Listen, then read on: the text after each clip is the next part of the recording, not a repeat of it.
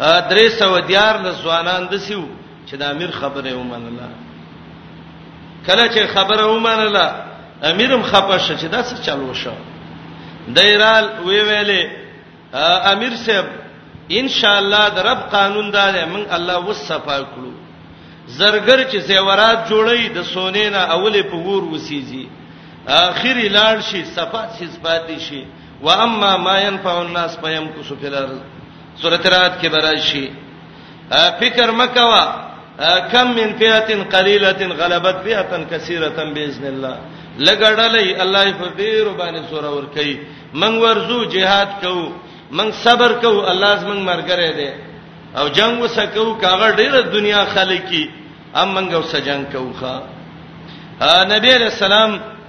بدر کې ولاړ دي منافقان واپس کېدل درې سو دیار له صحابه پاتې شو د توالوت صدرې سو دیار له سمرګری د سم پاتې شو رسول الله دعا کوي لاس یې اوچت کړی دی اللهم بک اسول وبک اهولو الله ستا په نوم حمله کوم الله ستا په نوم به به واپس کېږم وبک وقاتل الله ستا په نوم جنگ کوم دا دعای کوله صادرې د وګینه وغورځید او نبی علی السلام ویلی ربا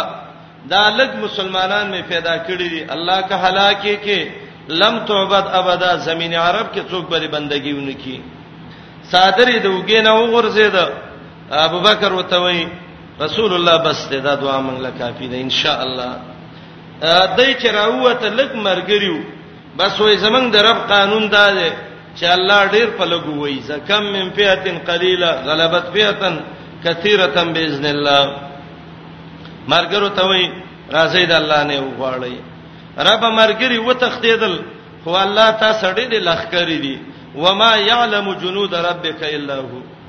د الله د فوجونو د الله نه ما سوا بل چاته پته نشته ربنا فرغ علينا صبر یو خو الله په من صبر راواچه الله به صبر نشو کبه صبر شو همت به وبېلو الله ذلیل به شو دویم الله یریګو الله خپم زمکه باندې نټینګیږي وثبت اقدامنا الله قدمونه مضبوط کړه ربا بدر کې صحابه ود شو شیطان په احتلام وکړ او مقصد یې دا و چې دغه وکی دا د الله نصر او مدد ته ختم شي باران وشو کافر چې وو دغه ته مټه زمکه کیو صحابه شګلوړي کیو باران وشو دای په غسل وکړ پاک شو شګه باندې چې باران وشي سیمټو پښانه لګي او له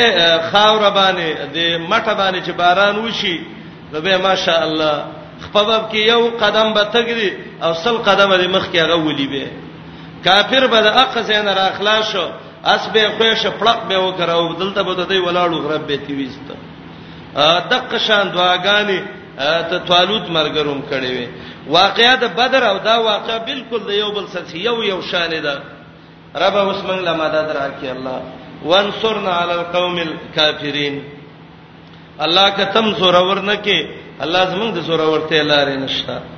بس درب نظام ته ګوره الله ول شکاس ورک یو ورکوټه الک الله دا غي پلاس یو لوی جبار او زورور د دنیا ذلیل کا دا ورکوټه څوک داوودو یو قول دا دی چې دا داوود د ایشاز وی دی او دویم دا دی چې دا داوود د زکریا زوی دی او زکریا د رشوی زوی دی د دې باره کې امام قرطبي لیکلی دی څو واقعات لیکلی دي عجیب عجیب واقعات د داوود ملک کې یو اوازه وا چنن با یو دوه ډلې یو د الله ډله ده یو د جالوت ډله ده د دې په مقابله یې او دنیا په دې خبر ده چې نن د الله د ډلې او د جالوت مقابله ده داوود وای ز شپن کېوم او ګړوب ستلم او ما ویل راشه دا بيزینن پرېدا او سیل وکړه چې دا جنگ څنګه دی امام قرطبي د دې آیات لاندې لیکلي دي وای چې کله را روانم والله علم یا به معجزه وا او یا با الله دې له یو معونت نازله وو و یو کانی ورته ویل چې ما واخل ځان سره او رسول الله علیه السلام وی ز چاوته ویل تا ځان څنګه پیژاند چې پیغمبري وای زبد مکه دی اجیات غرونو کې چراتلم د نبوت نامخ کې د سیګاټي دي زه وسم پیژنم ما ته ویل السلام علیک یا رسول الله انی لا اعرفهم الان داوود مرسته پیغمبر شوه کان یو ته وای ما واخل ځان صاحب کله چې دا راغه دا ولاړ دی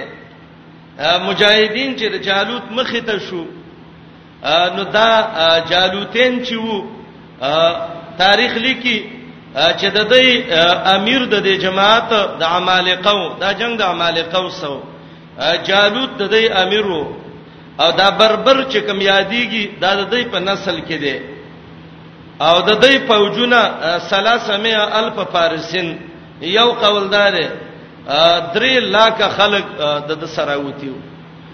دویم د اکرامه قول له چې 90 الف دا 90 زره 90 هزار فوج د دې سو چیرته درې سو دیار لس او چیرته درې لاکه یا 90 زره میدان ته شو چې وې قتل دا هډیر دغه ودا مشکله خبره وا نو امیر دی وخت کې اعلان وکړ طالوت که هر سړی د جالوت سره مقابله وکړو نن وروته وجنی خمسم او د دې جالوت باره کې راځي چې دا بدبخت ډیر ولاړو او سم یو چاتور شیو او د دس زغره هغه چلی وی چې هغه ته گزار د نيزه ور رسیدلم ډیر ګرانو وی ویلې د دې مقابله به څوک وکي و یو ورکوټه الګ دی کې چې د ونې نه لانو سترګې شنې شنې وي دا داوود علی السلام بعض خلک دا وایي چې سترګې شنې وي دا خوشی دا څه غلطه خبره ده بې بنیاد خبره ده سترګې د داوود شنې وي د رنگ نه وړو کې دغه او د غنم رنگ یو د ونې نه لانو دا ویلې زه مقابله کوم دې سړی سره شپنکې دې را روان دي چا کې چې کمالي الله یې ښکارا کوي خلکو ته ویل ته وړو کې لکه تر مقابله نه رسته شي بعد دغه ویل طالوت علی السلام که څوک مقابله کوي زول لورم ور کوم زمانه رسته امیر بمی وروسې ته ویل زی کوم داراغه او ته ویلې امام قرطبي واقع لیکل والله عالم حدیث عن بني اسرائيل ولا حرج د حدیث په بنا یې ویم او ته ویلې ته مقابله کې ویاو وای تا کې څه کمال دی وای مال الله قوت را کړی دی جنگ وخت کې بخپل قوت خې هغه ول ستاسو قوت څه علامې دي وای ما سره جون کې دوه کار شوې دي یو کار دا شوه دی چې زما یو ځل بيزي می ساتلې او یو شرمخ زما په ګړو را بيزو را واوخته او بيزه خله کې وا او نه پرې خدا او ما کانه را واغسته ګټه او چې گزار می په وک نو په دې یو طرف می ویشته او په بل طرف ته ګټه وته یو می دا خپل قوت لیدلې او دویم قوت می دا لیدلې چې دغه څه واقعیا بلوا او دازما بزیرا غرزولې وا او ته نه پاتې دا په دې چټ مې ولخپه کې خو دا وته زور مې کړې او و مشلو نیم یو خوا ورته نیم بل خوا ورته نو ان شاء الله دا د الله دشمن نن ز شلوم پرې د مینا اجازه وکا امیر ویل ورزه چې دونه همت دی جالو چې ویل چې ورکوټه ماشوم زما مخې ته را مخ کېږي هغه تاسو زه د سې جنگ نکوم اصغری ویستلې تورې کې خدا او مقصد دا او چل چل کې نیسم او دقه سه شلو منیم یو خرته نیم بل خو دته دی وخت کې ویاد شو چې ما څخه کانه وو را روان دي او لړ شه ده دا ور کوټه ده چې خرانې دې شو گزارې په وکړه سای د زړه په سر ویشته کانه ته شاته ویسته سړی راو غورځید یو ځل مؤمنانو आवाज کړه او ورځي په بس من کامیاب شو الله په وش کس واچو ذلیل کړه وقتل داوود جالوت داوود پلاس الله جالوت ملک او دا د نبوت نه روسته مخ کې واقع و او د دینه بعد به داوود علیه السلام الله پیغمبر ک الله ول بچای ور کړه څناشنا بچای و چې قران سورته سواد کې ذکر کړی دا دین یو ته خود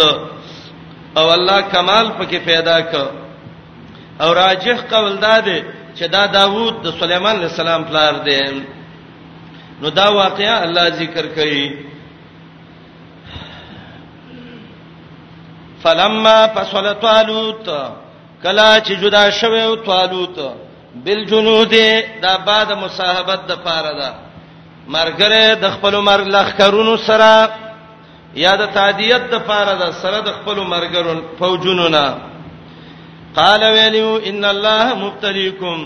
یقینا الله امتحان د باندې کوي بنهر په یو وړو کې لختی د وبو باندې چې سوړو کې لختی ولې د تنهر وای فمن شرب منه چا چوبو وڅکل دینا فلی سمین نظم دړل نه نه دی امیر به شرطونه په خپل شاګردانو لګی ومن لم یطعمه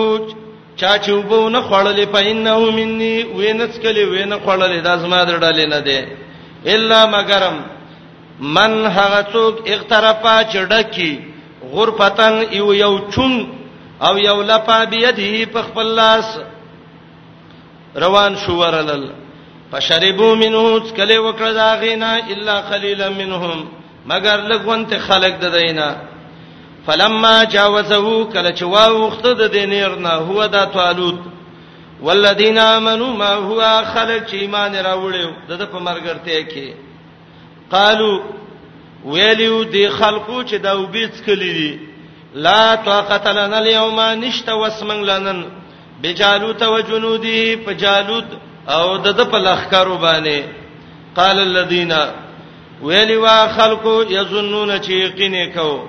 انهم ملاق الله چې دوی د مخامخ کیدون کې د الله سره الله مخله به ورزو سی ویلو خپکیږي ما کم من پیاتن قلیلتن ډیر کرتی یوړاله لګي غلبت زور ورکی پیاتن کثیرتن په جماعت وړالی ډیرو باندې باذن الله د الله په مدد او د الله په نصرت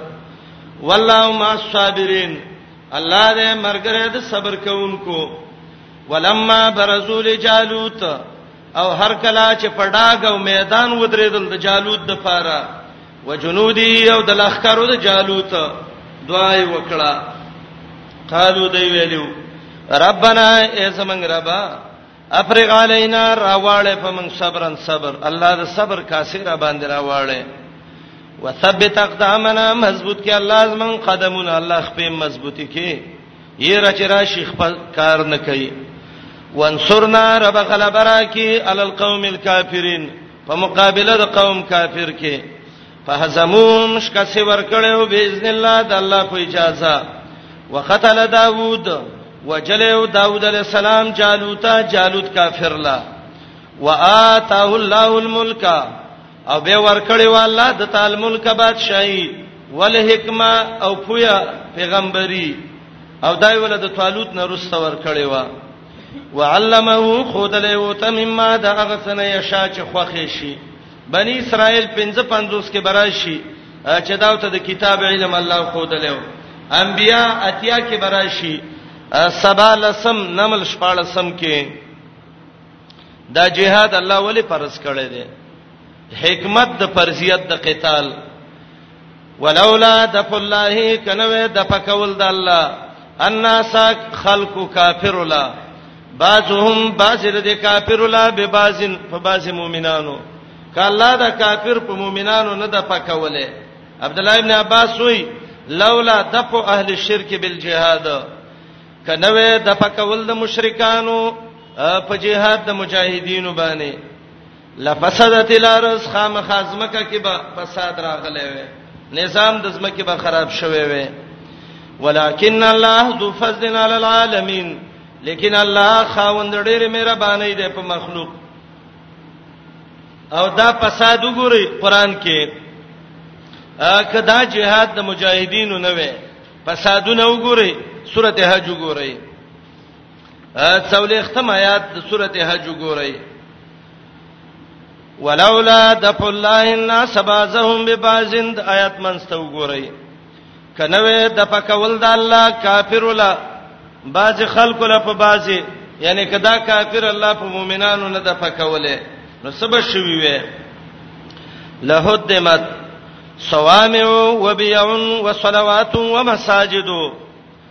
خامخا ټوټه ټوټه شوی بوي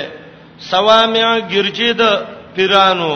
وبيعون عبادت خانه د نصاراو وصلوات عبادت خانه د يهودو ومساجد جمعتون د مؤمنانو یذکروا فی اسم الله کثیرا چې د الله نوم په کې ډیر یادېږي کدا کافر الله نه د پکوله نه به پیر په خپل ګرجا کې عبادت کړي وي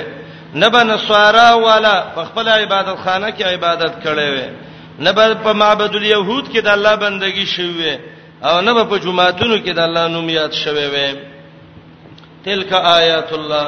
دته صدق د قران وای دا دی آیاتونه د الله نتلوها الیک بالحق لولي پتابانی پرشتیا و انک لمن المرسلین بشکت در لګل شو پیغمبرانو نه د پیغمبر صدق پکې د سړي ګوره نبی دا واقعیا چې کېده ته وی پیدام نه وی چا خبر کړي الله اغه الله چې تی خبر کړي اغه الله ته پیغمبر کړي دا دي د الله آیاتونه لولي پتا بالحق پرشتیا وانک لمن المرسلین یقینا ته خامخاید جمله جماعت دا غلېګل شو پیغمبرانو نا تلک الرسل فضلنا بعضهم على بعض منهم من كلم الله ورفع بعضهم درجات واتينا عيسى ابن مريم البينات وأيدناه بروح القدس دا تلکه کې اشاره ده دغه مخکینی جمله ته وانک لمن المرسلین اے محمد رسول الله صلی الله علیه وسلم الله ډېر پیغمبران را لېګلیو تم دا غي د جماعت نه یوي دا پیغمبران چې الله را لېګلیو الله بازي په بازو غره کړیو د چا درجه او چته د چا درجه کما زنه دسیو چې الله اوس خبرې کړې وي زنه دسیو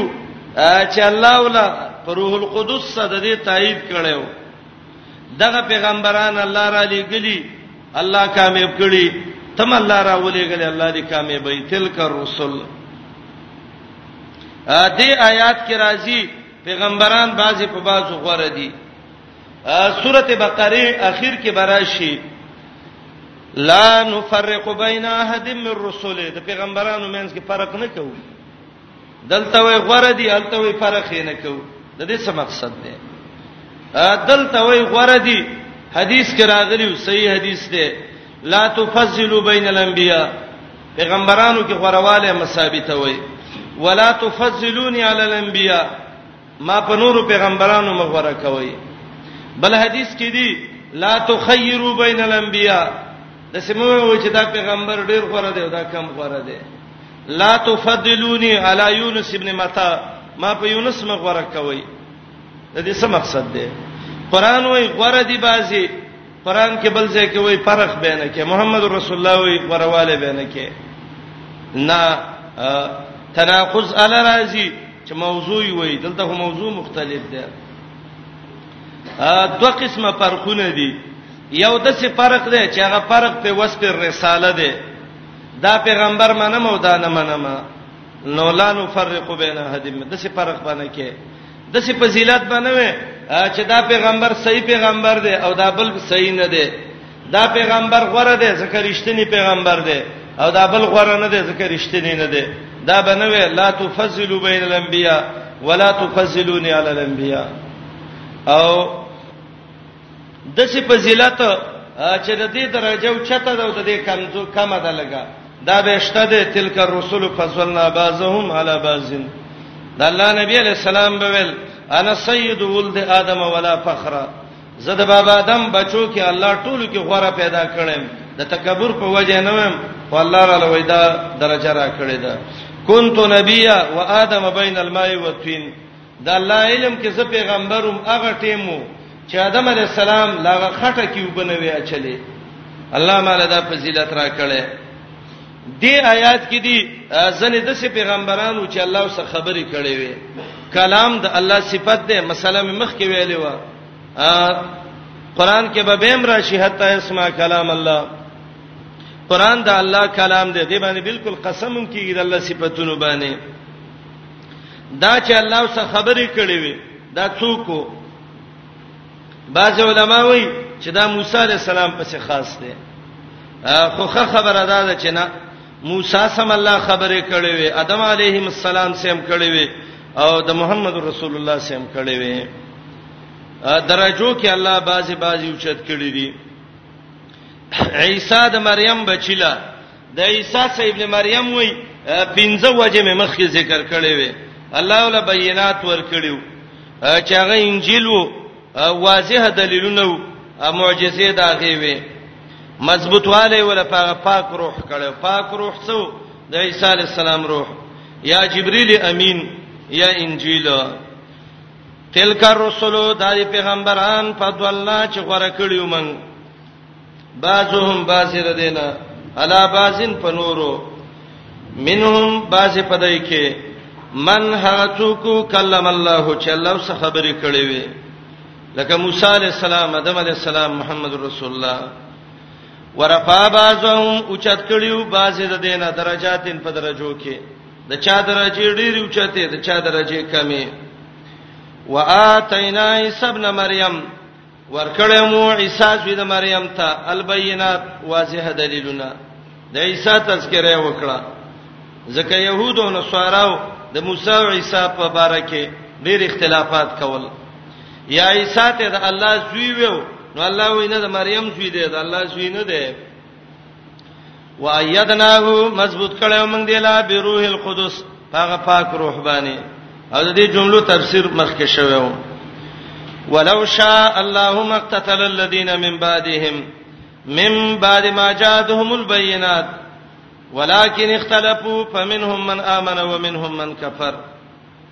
دلته لو شاء د دې مفعول مقدر دی او معنی دا ده لو شاء الله الا يقاتلو کله رب خو خوي چې جنگ ونکي نو مقتل الذين جنگ به نه وکړي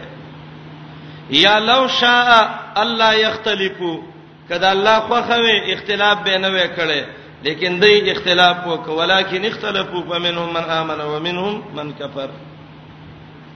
ډیر خلک قران باندې پویږي نه وای دا څنګه قران دی چې الله وای کله غختل جنگ به نه وکړي الله جنگ نه کو په لیکن دای جنگ وک نو دا جنگ ولې د الله دغه نه په خیر وکړه نه دا ما مخکې دا مسله تفصیلا ویلې و چې یو اراده تکوینی ده او یو اراده شرعی ده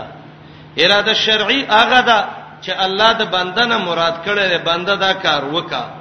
او اراده تکوینی هغه ده چې الله پیدا کړی دی لکه الله رب العالمین کوپرم پیدا کړي ایمانم پیدا کړي دي اجازه هم ور کړي دا کله چا خوغه شي کوپر وکاو کله چا خوغه شي ایمان راوړه خو که کوپر دی وک جهنم دی انو دلته شاء په معنی د رضا سند ده دا شاء په معنی د اراده تکوینی سند ده ولو شاء الله کده الله خوخوي اراده وي په اراده تکوینی سره نو جنگ به نه وکړي لیکن د اختلاف وک نو بس خلک ګډلی شو او باج علماء وای دا مشیت مشیت جبری ده مشیت جبری دا معنا که دنیا د اختیار زه نه وې او دا انسان مجبور وې او الله په زور غوښته چې جنگ به نه کوي نو نه به وکړي خو رب العالمین وته ویلي زه په تاسو له اختیار در کوم مجبور کوم هم نه دا د کوپر لار ده دا د بيدینۍ ده زما خو خدار جنگ مکوي نور ستاسو اختیار دی کې کوي او کې نه کوي نو دا مشیت جبری دی یا مشیت په معنی د رضا سند دی بلکې مشیت په معنی د اراده تکوینی سره دی عثمانه وکي ولو شاء الله ک اراده کړی وی الله یا که په زور غوخته الله مختتل الذین جنگ بنوي کړه خلکو من بعدهم چې د پیغمبرانو نورسته راغلیو او من بعد ما جاءتهم البينات رسته دا غنا چې راغلیو د لوازه دلیلونه ولکن اختلافو لیکن اختلاف وکړه نو چې اختلاف وکړو نو څه شو پمنهم من امنه بازب کې مؤمنان شو د سیو پکې چې ایمان راوړیو ومنهم من کفر بعضی د سیو چې کفر یې وک اولو شاء الله کله په زور غوخته او د دنیا د اختیار زینه وینو مقتتلو دی به جنگ نه وکړي خو ویک ولکن الله يفعل ما يريد الله کوي څه چې دی څه چې د الله اراده ای دا جمله مخکیم ذکر کړه ولو شاء الله مقتتل الذين بیرامات کا ولو شاء الله مقتتلوا یا خو تکرار د ډیر تاکید د پاره وکړه او رد یې کې وکړه په هغه خلکو باندې چې هغه منکرین د تقدیر دي یا اولنې ولو شاء الله مقتتل الذین اولنې کې قتال د هغه مؤمنانو چې د مخکینو امتونو او د رستنی کې قتال د دې امت د مؤمنانو دی یا په اولنې کې سبب شرعي د قتالو چې هغه دې کې دوباره را مات کړي دي چې هغه کې مشیت ولو شاء الله مقتتل الذين من بعدهم من بعد ما جاءتهم البينات او دې کې د الله اراده صفته ولو شاء الله کلا فزور غخته مقتتلو جنگ به نه وکړي لیکن الله کایما یرید چې وغواړي رب چې څو غواړي الله غ کوي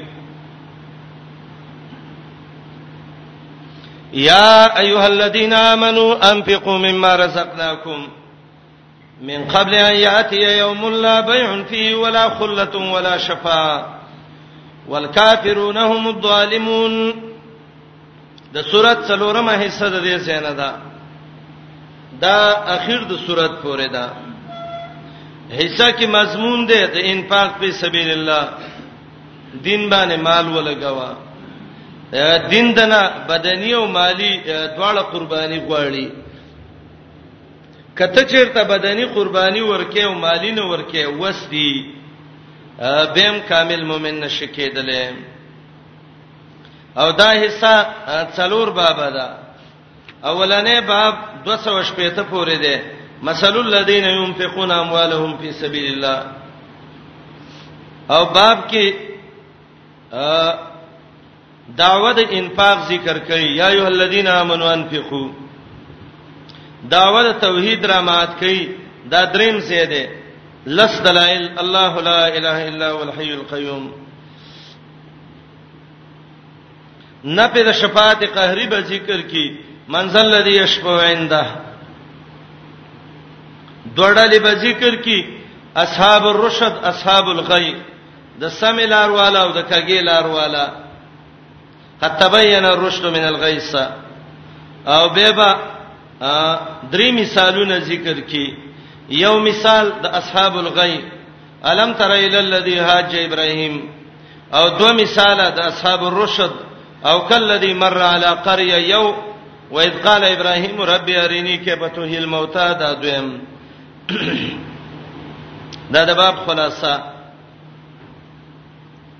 دعوه د انفاق ترغیب انفاق ته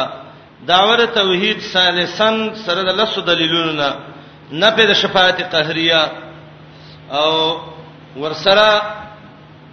دوړلې اصحاب الرشد اصحاب الغی درې مثالونه اولنې مثال د اصحاب الغی هغه خلک چې په کګل روان دي او دوه مثال د اصحاب الرشد چې یو د عزیر السلام واقعا او دویمه د ابراهیم علی السلام واقعا الله ډیر په نرم الفاظ باندې ترغیب ور کوي ایماندارو مال خرج کوي د څو ورځ را روانه ده خرڅول باب کې نه وي بيع ذکر کړه شراء ذکر نه کړه ځکه چې خرڅول نه یغسل خو خپل نه اینو یو شی ته خرڅی نه ته سواله اغسل خرڅول بنئ دوستانه به فائدہ نه ور کوي دوه قسمه دوستان دي یو دوستان مؤمنان دي دا غي دوستانه به فائدې ور کوي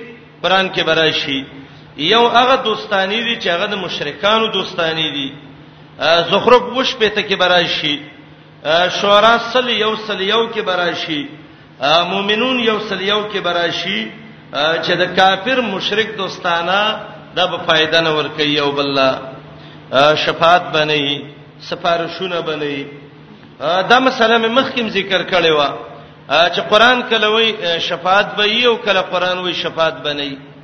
دا څنګه خبره ده اول سوراتونو کې الله وی په دویشتو زینو کې شفاعت بنئ پنځه زینو کې بقره سبا طه یونس نجم دې کې دا وی چې شفاعت به یي نو دوه معنی دی یو معنی دا شفاعت بنئ د کافرو د پاره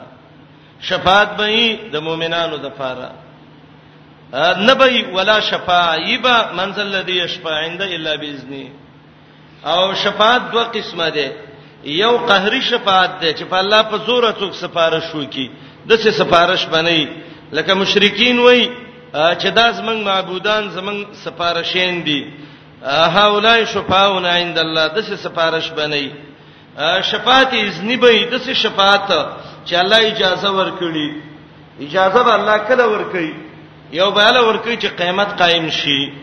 دویمه ول شفاعت به محمد رسول الله کوي انا اول من یشفع بل شفاعت کوونکې او چاله چې کوي دواړه بمړی بل دواړه به موحدینی په عقیده د توحید بمړی بل دا چې یو د بل د حال نه به خبري او دا چې یو مړ دی او یو ژوند دی او یو د بل د حال نه خبر نه دی قیامت قائم نه دی محمد رسول الله شفاعت نه دی کړي او دا ورشي او د قبر شناخت او ته وای زما سفارش وکا او وای دا منګه څوک وای یو بچا لزین وکیل نه وی ولا دا چې وای د څه شفاعتونه نشته ده غلطه خبره ده ولا شفاعت شفاعت بنئ والکافرون هم الظالمون او غلس قسمه شفاعت چې صدر الدین ابن ابي العز حنفي ذکر کړو او د دې وضاحت ما مخ کې کړو ولا يقبل منها شفاعه واتقوا يوما دغه دغه کې دا آیات کې اخر کې الله وی والکافرون هم الظالمون کافران هم دای ظالمان دي نو د ظالم سړي خیراتونه نه قبليږي نو د کافرو خیرات نه قبليږي د لوی فائدہ درکې اول آیات کې ویل خیرات د چا قبليږي دا چا چې ایمان پکې اخر کې وای کافر ظالم دی نو ظالم خیرات نه قبليږي ځکه ایمان پکې نشته دی دا عربان چې وړي سخت سخینو تاریخ چې وګوري د سړي ذهن وته حیرانيږي دیتا چې دا دای کې څونه سخاوه د عربو مشهور سخی سړی حاتم اتوایی دا حاتم اتوایی هغه سړیو چې دا د عدی رضی الله عنه دغه پلارو عدی مشهور صحابي محمد رسول الله صلی الله علیه وسلم مرګره و دته یو ځل چا ویلې چې ته حاتم توي ډیر زیات د توي قبيله مشهور سخی سړی ستانه په دنیا کې څوک سخی هغه وخندل هغه ویل قسم په الله ز څکه چې زمانه د عربو د واړه لکان او دا جنکیم زمانه ډېر سخې نه دي دا خبره سر خلکو ته ډېر ناشنا ښکار شو ځکه د حاتم توئی باره کې برازي چې د بر چرګ مل مراته وخ به ولاله لو د څه سخی سره و ډېر مشهور سخی حاتم اتوئی مشهور تاسو به ویلي جود حاتم الطای نو به ته چا ول څنګه عجیب خبره دی وکړه به د عبرت واقعیا د البدای کې امام ابن کثیر راوړی دا دا وایي چې یو ځل صحرا ته وته ما و د خونه وای کنه یو شی لګا دا غونډي لګ راځي ښکا یو شی لګا طالب جان دا د څه دا د زنګران ته د لاس څوک چې دا به خوب ته اعتکاف تړلی امام ابن کثیر البدایه کې لیکلي دي د دې په باره کې وای دی وای چې یوسف صحرا ته وتلې ومه استم شپرا لار کې رسیدم نشوم چې ګورم یو غریب ونته کور ښکار کیږي دی لورلم چې ورلم ګورم یو وړو کې الک راوته چې لا بلوغ ته نه دی رسیدلې چې مراهق حال کې دی وای ما ورته ویل چې بچي ستاپلار څه شو وای دا جړغونه شپ جړا شو وای ما ته ویل چې زما پلار مړ شوی دی یتیم ما وای ما ته ویل چې دلته څه څوک دی وای دا ته ویل چې وړي وړي خويندې مې دي ورونه مې دي یو مې مور ده یو سره نه مې ده یو سیمه وای ما چې د صحرا کې د شړو دشتو کې څه کوي وای ویل چې زمنګ ډیر رسولان قومو چې هغه کې څوک غریب شي نو وخت نه تیریږي د غریب سړی زمنګ په قوم کې ټیم نه تیریده نو موږ غریبای راوستیو او د شړو د شتو کیو وای ما ورته ویل کې یو مل مرا شی او تاسو شپه کې نو تاسو مل مستوب شپه ور کوي وای هغه راته وی چې دا خو زمنګ ډیر خوشاله موقع چې زمنګ لا مل مرا شی وای ما چې زم مل مې ما ویل چې په اهلن بکا د سی حساب کله کدا چې خپل کوری وې ما خام چې شد چې ما زیګر ټیم شو وې ما ته چې کاکا کینه دالک لاړ وې چې راغې چې ګورم مازغي پخ کړی دي ادا یې لمه خته کې خدل وې چې کاکا دا وخره و چې و مې خړ لږ خون تیرا وړي ډیر نو وای ما ویل چې دا دغه دی دا څنګه چل دی سمزه و چې ډیر خو وای من سیدا چلاړو لک ساتو ش به راوړ ما خام پورې درې څلور چپی و چلاولې دسي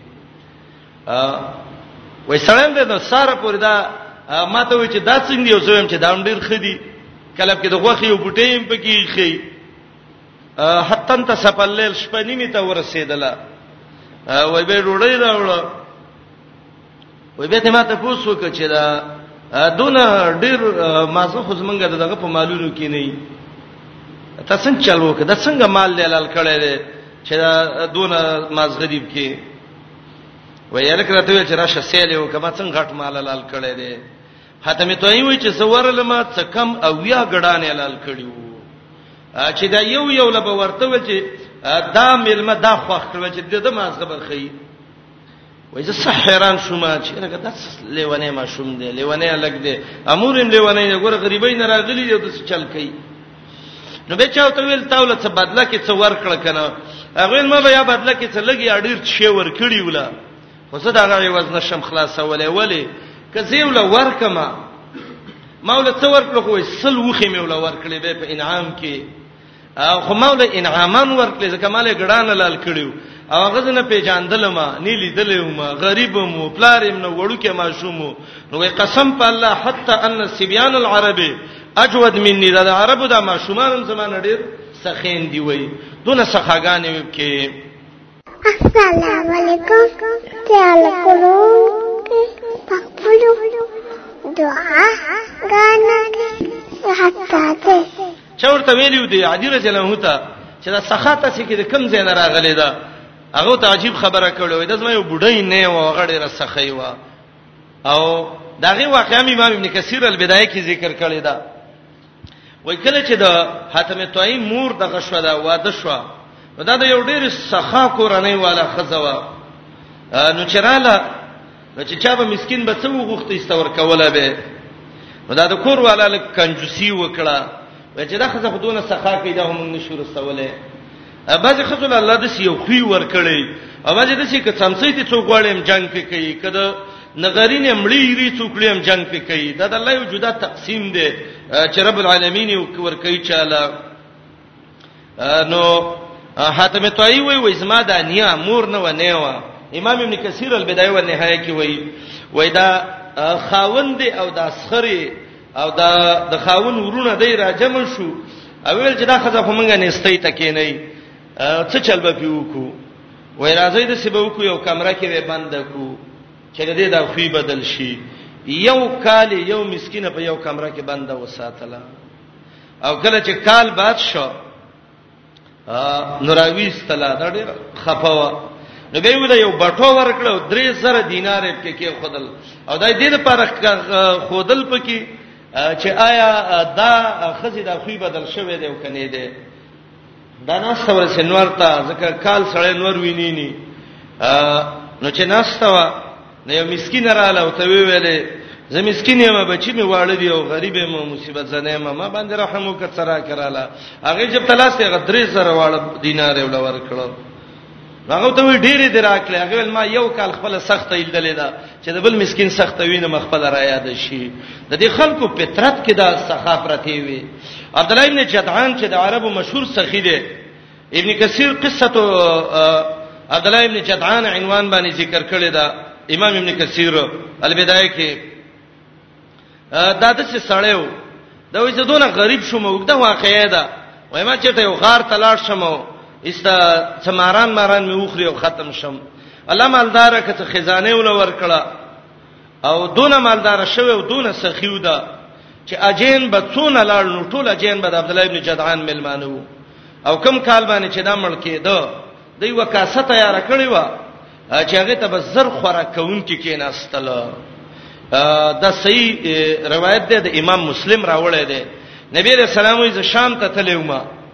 او الته یو کاسه و چې داغه د لاندې په سونو خلک سوري تناسو وای زم کې ناستم وای ما ته پوښتنه وکړه چې دا څنګه غټه کاسه ده وای خلکو راته ویلې هذه قصه عبد الله ابن جدعان دا د عبد الله ابن جدعان کاسه ده اخراتونه چې به کې ورکول او کله چې اخیره حج کوو نو د لسر وخان د شام او د یمن نه را بار کړیو چې هغه کې ستانو هغه کې پنیرونه او هغه کې غوړیو او پاغه کې غبینونه او پاغه کې نور خوراکونه او د بیت الله دروازې ته وخته وی چې ټول اجینو ټول د عبد الله ابن جدعان ملمانی وی عائشه رضی الله عنها وی صحیح مسلم کې یو روایت ده وای ما ته پوښتنه ایم فعه ذالک یا رسول الله د الله نبی عبد الله ابن جدعان له بدا پیدا ورکی چې دا دونه خیراتونه کول وای ما ته چې هیڅ پیدا ولنه ورکی ما قال فی یوم من الايام رب اغفر لي یو ورځ کې د سیند ویل چې الله ما ته بخنه وکي کوپر کې مړ شوې دي نو الله دا یاد ځکه وای چې کافران سالمان دي ظالم په دې چې خیرات مو کې او خیرات قبول نشي اول کې وای یا ایه الذین آمنو که خیرات قبل ایمان ځان کې پیدا کا او کته د ډیر خیراتونه وکي ایمان د کې نه ول کافرون هم الظالمون دا فائدہ ولنه ور کوي عطا ابن دینار چې دا ډیر خ نیک سړی دی د یو ځل د قران تلاوت کو دی یا تر ورسېده والکافرون هم الظالمون نو دا وی ویل الحمدلله الله الحمد دې شکر دې چې الله د سینې دی ویل چې وظالمون هم الکافرون چې چا ظلم وکبه کافری ځکه مونږ کې کم یو د سره چې ظلمونه هم ندي کړی الحمدلله الذي لم يقل الله الحمد دې چې د سینې دی ویل چې وظالمون هم الکافرون مضمون ذکر کوي د انفاق په سبیل الله خیرات بکې د خیرات طریقه به یاد کې اول شرط د خیرات دار چې ایمان بده کیه ایه الذین آمنون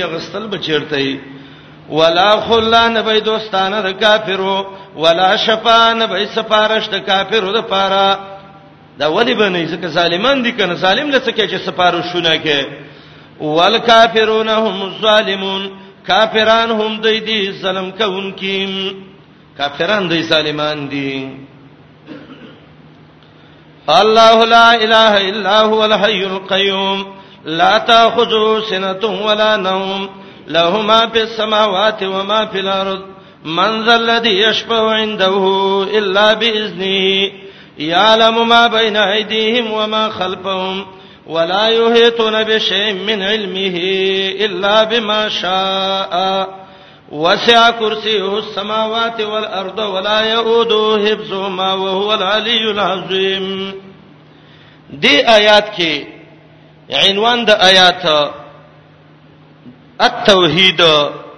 او بقره کې دا دریم څه دی چې الله توحید په دلایلو ذکر کوي دته توحید ویل کیږي لس دلیلونه الله د توحید ذکر کړی دي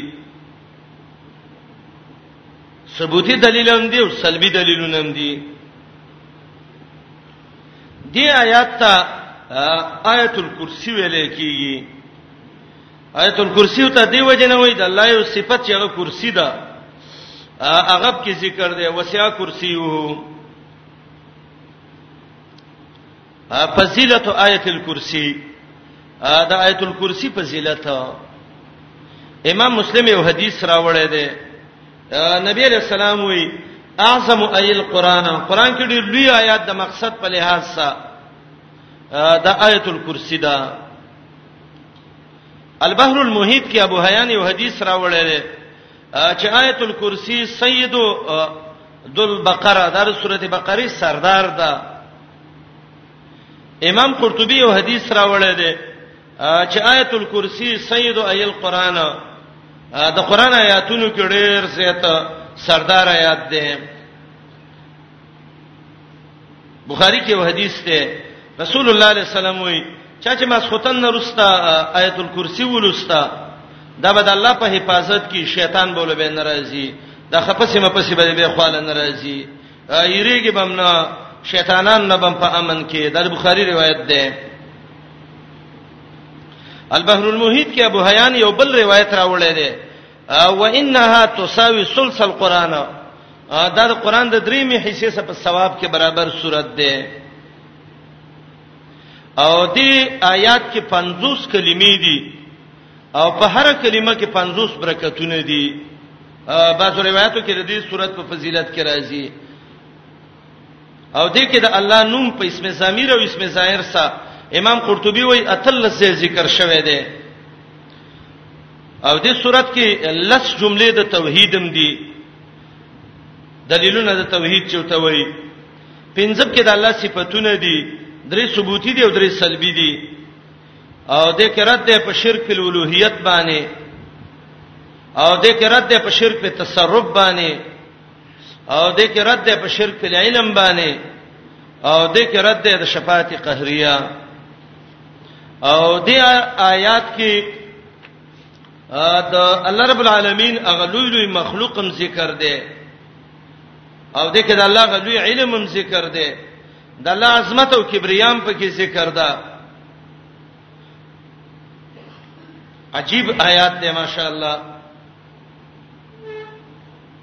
نور روایتونه هم راغلي دي خو هغه کې بعضو کې کلام دی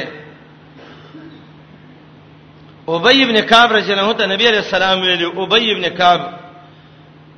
ایو آیت اعظم معک فی کتاب الله قران کې دسی د مقصد په لحاظ سلوی آیات ته کم یو معلوم دی ابی ابن کعب وتو یا رسول الله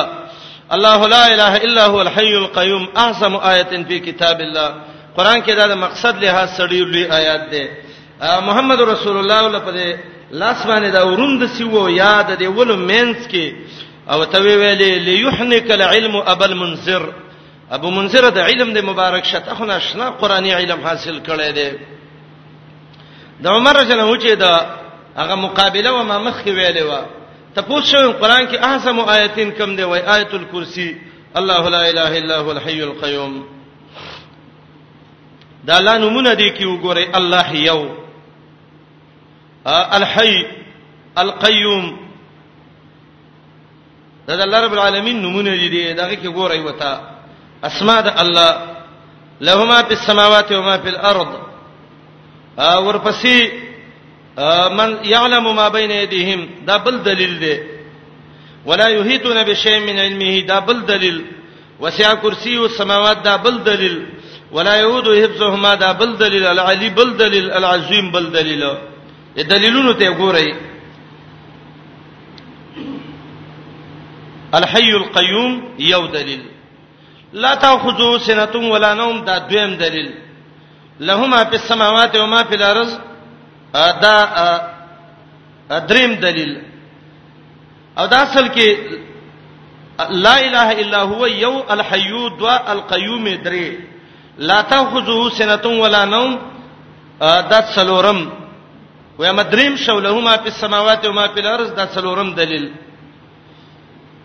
یعلم ما بین ایدیهم و ما خلفهم دا پنځم دلیل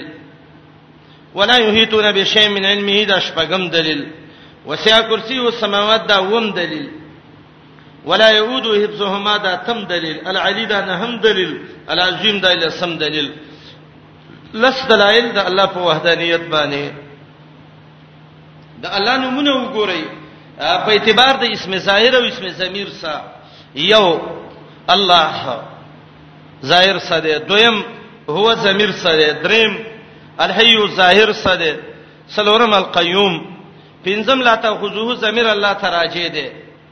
شپږم دا له ضمیر دی اوم عنده ضمیر الله ته راجع دی او اتم الا باذنه کې ضمیر الله ته راجع دی او نه هم یعلمو کې الله ته ضمیر راجع دی او لسم علمه کې ضمیر الله ته راجع دی ایو لسم مشاء کې ضمیر الله ته راجع دی او دولسم کرسی هو زمير الله تراجه ده او دیار لسم یعود هو زمير الله تراجه ده او څوار لسم هوا او پنځل لسم العلی او شپارسم العظیم بعض علما وایي دا شپارس دي دي کې او بعض علما منزل لذي کې دغه ولسمی حساب کړي دي منزل لذي یشفع عنده نو دا ولس یا تلس د الله نمونه دی کې په اعتبار د اسم ضمیر او په اعتبار د څه شی باندې د اسم ظاهر باندې د حفاظت آیات آیت الکرسی دی آیت الکرسی وای ځان باندې د سپو د ساتلو نه بم خلاصې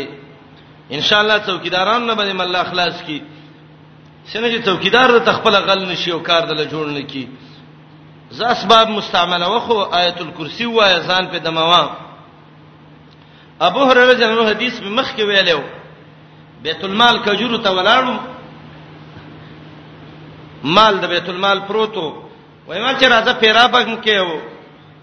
نپلم کوا وای دې مونږ چې مې کو کړه سا شو ګودام کې چې ولې مې سړی لګې دی او لګې ته ځان لپان تړي وایو مې مو ته چې دا ستاسو نکې دي څه دي دا بیت المال لته خوري ویل چې یاره بس معافي وکه به بن راځم وای ما چې زه پرې مې خو دې زه بیا ودرېدم بیا خلاص شو چې پام مې وکه هغه بیا را ولاړ لمه دا هډر به حیا غل دی وای بیا ساری مې نتونه کول پرې مې خو دریم ځل چې بیا ودرېدم بیا ګورم بیا اشراقات شروع کړه شپې څه حصہ کې راغلو وای و مینه وای ما چې نبی علی سلام ته پیش کوم چې دا لاس نه کټ کې چې به چرته ته دغه نه کې دغلا نه کې وای ما ته ویل چې الکا زما پرېدو یو دم به توخه ما بیا به بالکل استعمال لغله ناراضي په قلاره به اطمینان باندې مونږ کې ښا وای ما چې کم دم دی وای چې الله لا اله الا هو الحي القيوم لا تاخذه سنه ولا نوم آیت الکرسی وای پرې مې خد سار راته نبی علیہ السلام او ابو هريره ما فعل سیرو کلبارها بیګه د جیلی څه چلو سوک مچې رسول الله د مې راته خو د پرې مې خود صحابه دین باندې ډیر مینو وای ما ته ویل چې کذوب ولکنه صدقک دروغجن دی هوتا ته رښتیا خبره کړې ده رښتیا کرسی کې د کمال شته رستم کې مدرسوم یو مرګری باندې پیران راغلیو یس خبرې شروع کړې طالب واغه ویتانن دا درس یو دا د زما په یقینم نو ساده پیران دروغ مو ډیر زیاته باندې خلک ځان باندې د سراولي لهنی باندې پیران یې ځان نیغ نیغ ولي چا څه کار دې ته چې تا ته لا سچي هغه به څه ته پوسونه ماته ولتانن دا سبق ویو دا دی ویو بیا ما ته خبره کوله وای د قران یو لفظ د تویم دا سورۃ چې الله لا اله الا هو الحي القيوم دی په کوم دغه باندې یو ورچوپی کې د سه د الله په قدرت باندې د ور لمبې دی پیریب سن خلی وای چې کمالی آیات دی الله وای قران کې دا دغه کړه دی وای د پیرانو د شیطانانو ملائکه نه یریږي دی وی ډیر او دا آیت الکرسی نه ډیر پاساب دی قران کې الله لا اله الا هو الحي القيوم الله لا اله الله مبتدا ده او دا لا اله خبر ده او معنا دا چې دا صفت د الوهیت الله پر خاص ده نه په اثبات سے ذکر کړي ده او الحیو د دویمه مبتدا ده او اي الحي خبر ده مبتدا محذوفه ده هو الحي او یا الله موصوف ده او دا الحي اولنې صفت ده الله هغه ذات ده چې بل حقدار د بندګۍ نشتا دا سه ذات ده الحي الحي معنی کامل حیات والا ده هو الحي الذي لا يموت قران ویل دي دا چې ژوند دی چې مړ کیږي نه د سینې چې ته وې چې سم ژوند دی ما تم ژوند دی هم مړ کیږي د الله د سي حیات دی چې لا يموت هو الحي الذي لا يموت دویمه معنی د حیو د امام قرطبي وایي کم ذات چې هغه همیشه او باقی هغه ته حی ویل کیږي الحی معنی دائم الحیات هغه ذات چې راغی ژوند همیشه دی القیوم هغه ذات دی چې هغه تدبیر د مخلوق کوي الباقی الدائم الذي لا سبيل للفناء عليه هغه ذات دی چې باقی دی همیشه دی اس لار د دین نشته چې دا فنا شي امام رازی وی قیوم کې دوه معنی دي یو معنی دا چې خپل ذات باندې قائم دی او دویمه معنا القیوم المدبر بتدبیر الخلائق د مخلوق تدبیر کوي د څه ذات دی الله الله چې دی لا اله نشته بل حقدار د بندګۍ الا هو مگر دغه یو الله دی الحیو همیشه ژوند دی دی الحیو د پوره ژوند والا دی الحیو د سجوان دی چې مرګ وته ناراضي دا د بنده او د الله د حیات فرق شو القیوم قائم بالذات دی القیوم مدبر د ټول مخلوق دی القیوم الباقی الذی لا سبیل للفناء علیه د سباقی ذات دی چې بالکل فنا کیږي نه الله دا الله اسم اعظم لا اله سلبیس الحیو دا ثبوتی القیوم دا ثبوتی لا تاخذو سنه ولا نوم دا بل صفت صفت سلبی خدای الله سلبی صفت مستلزم ده کمال الله او القیوم دا مؤکد او لا تاخذو سنتون ولا نوم دای تاکید ادا دلیل د دې چې نه په دې اثبات تاکید راتلی شي امام ابن قیم دغوی ابن کثیر وای لا تاخذو سنتون ولا نوم څه معنی ده لا تغلبو شیء من السنه والنوم الله باندې جټه د خوب او خوب نشي غالب کېدی چې دا پرش حی دی ژوند دی قیوم دی درې الفاظ دی عربی کې یو ته نوم وای یو ته سینه وای او دویم ته نواس وای چې په ټول بدن اثر وکي د ته نوم وای او چې په سر باندې اثر وکي دا سر د سدرون شي د ته سینه وای وای لکه جټه واله پر کالی پراله او چې د سترګو باندې دغه وشي اثر وشي نو دته نوعاس ویل کیږي دا سوال څوک نه کی چې نوم ذکر شې سینې ولی ذکر کړه دا, دا جدا جدا دي او باج علماء لکه امام رازی وایي چې دا د یو بل دلیل دی ګوره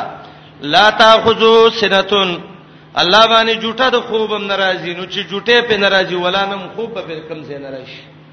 چې پرکالیم په ناراضي د خوب نو خوب به د کم ځای نه راشي.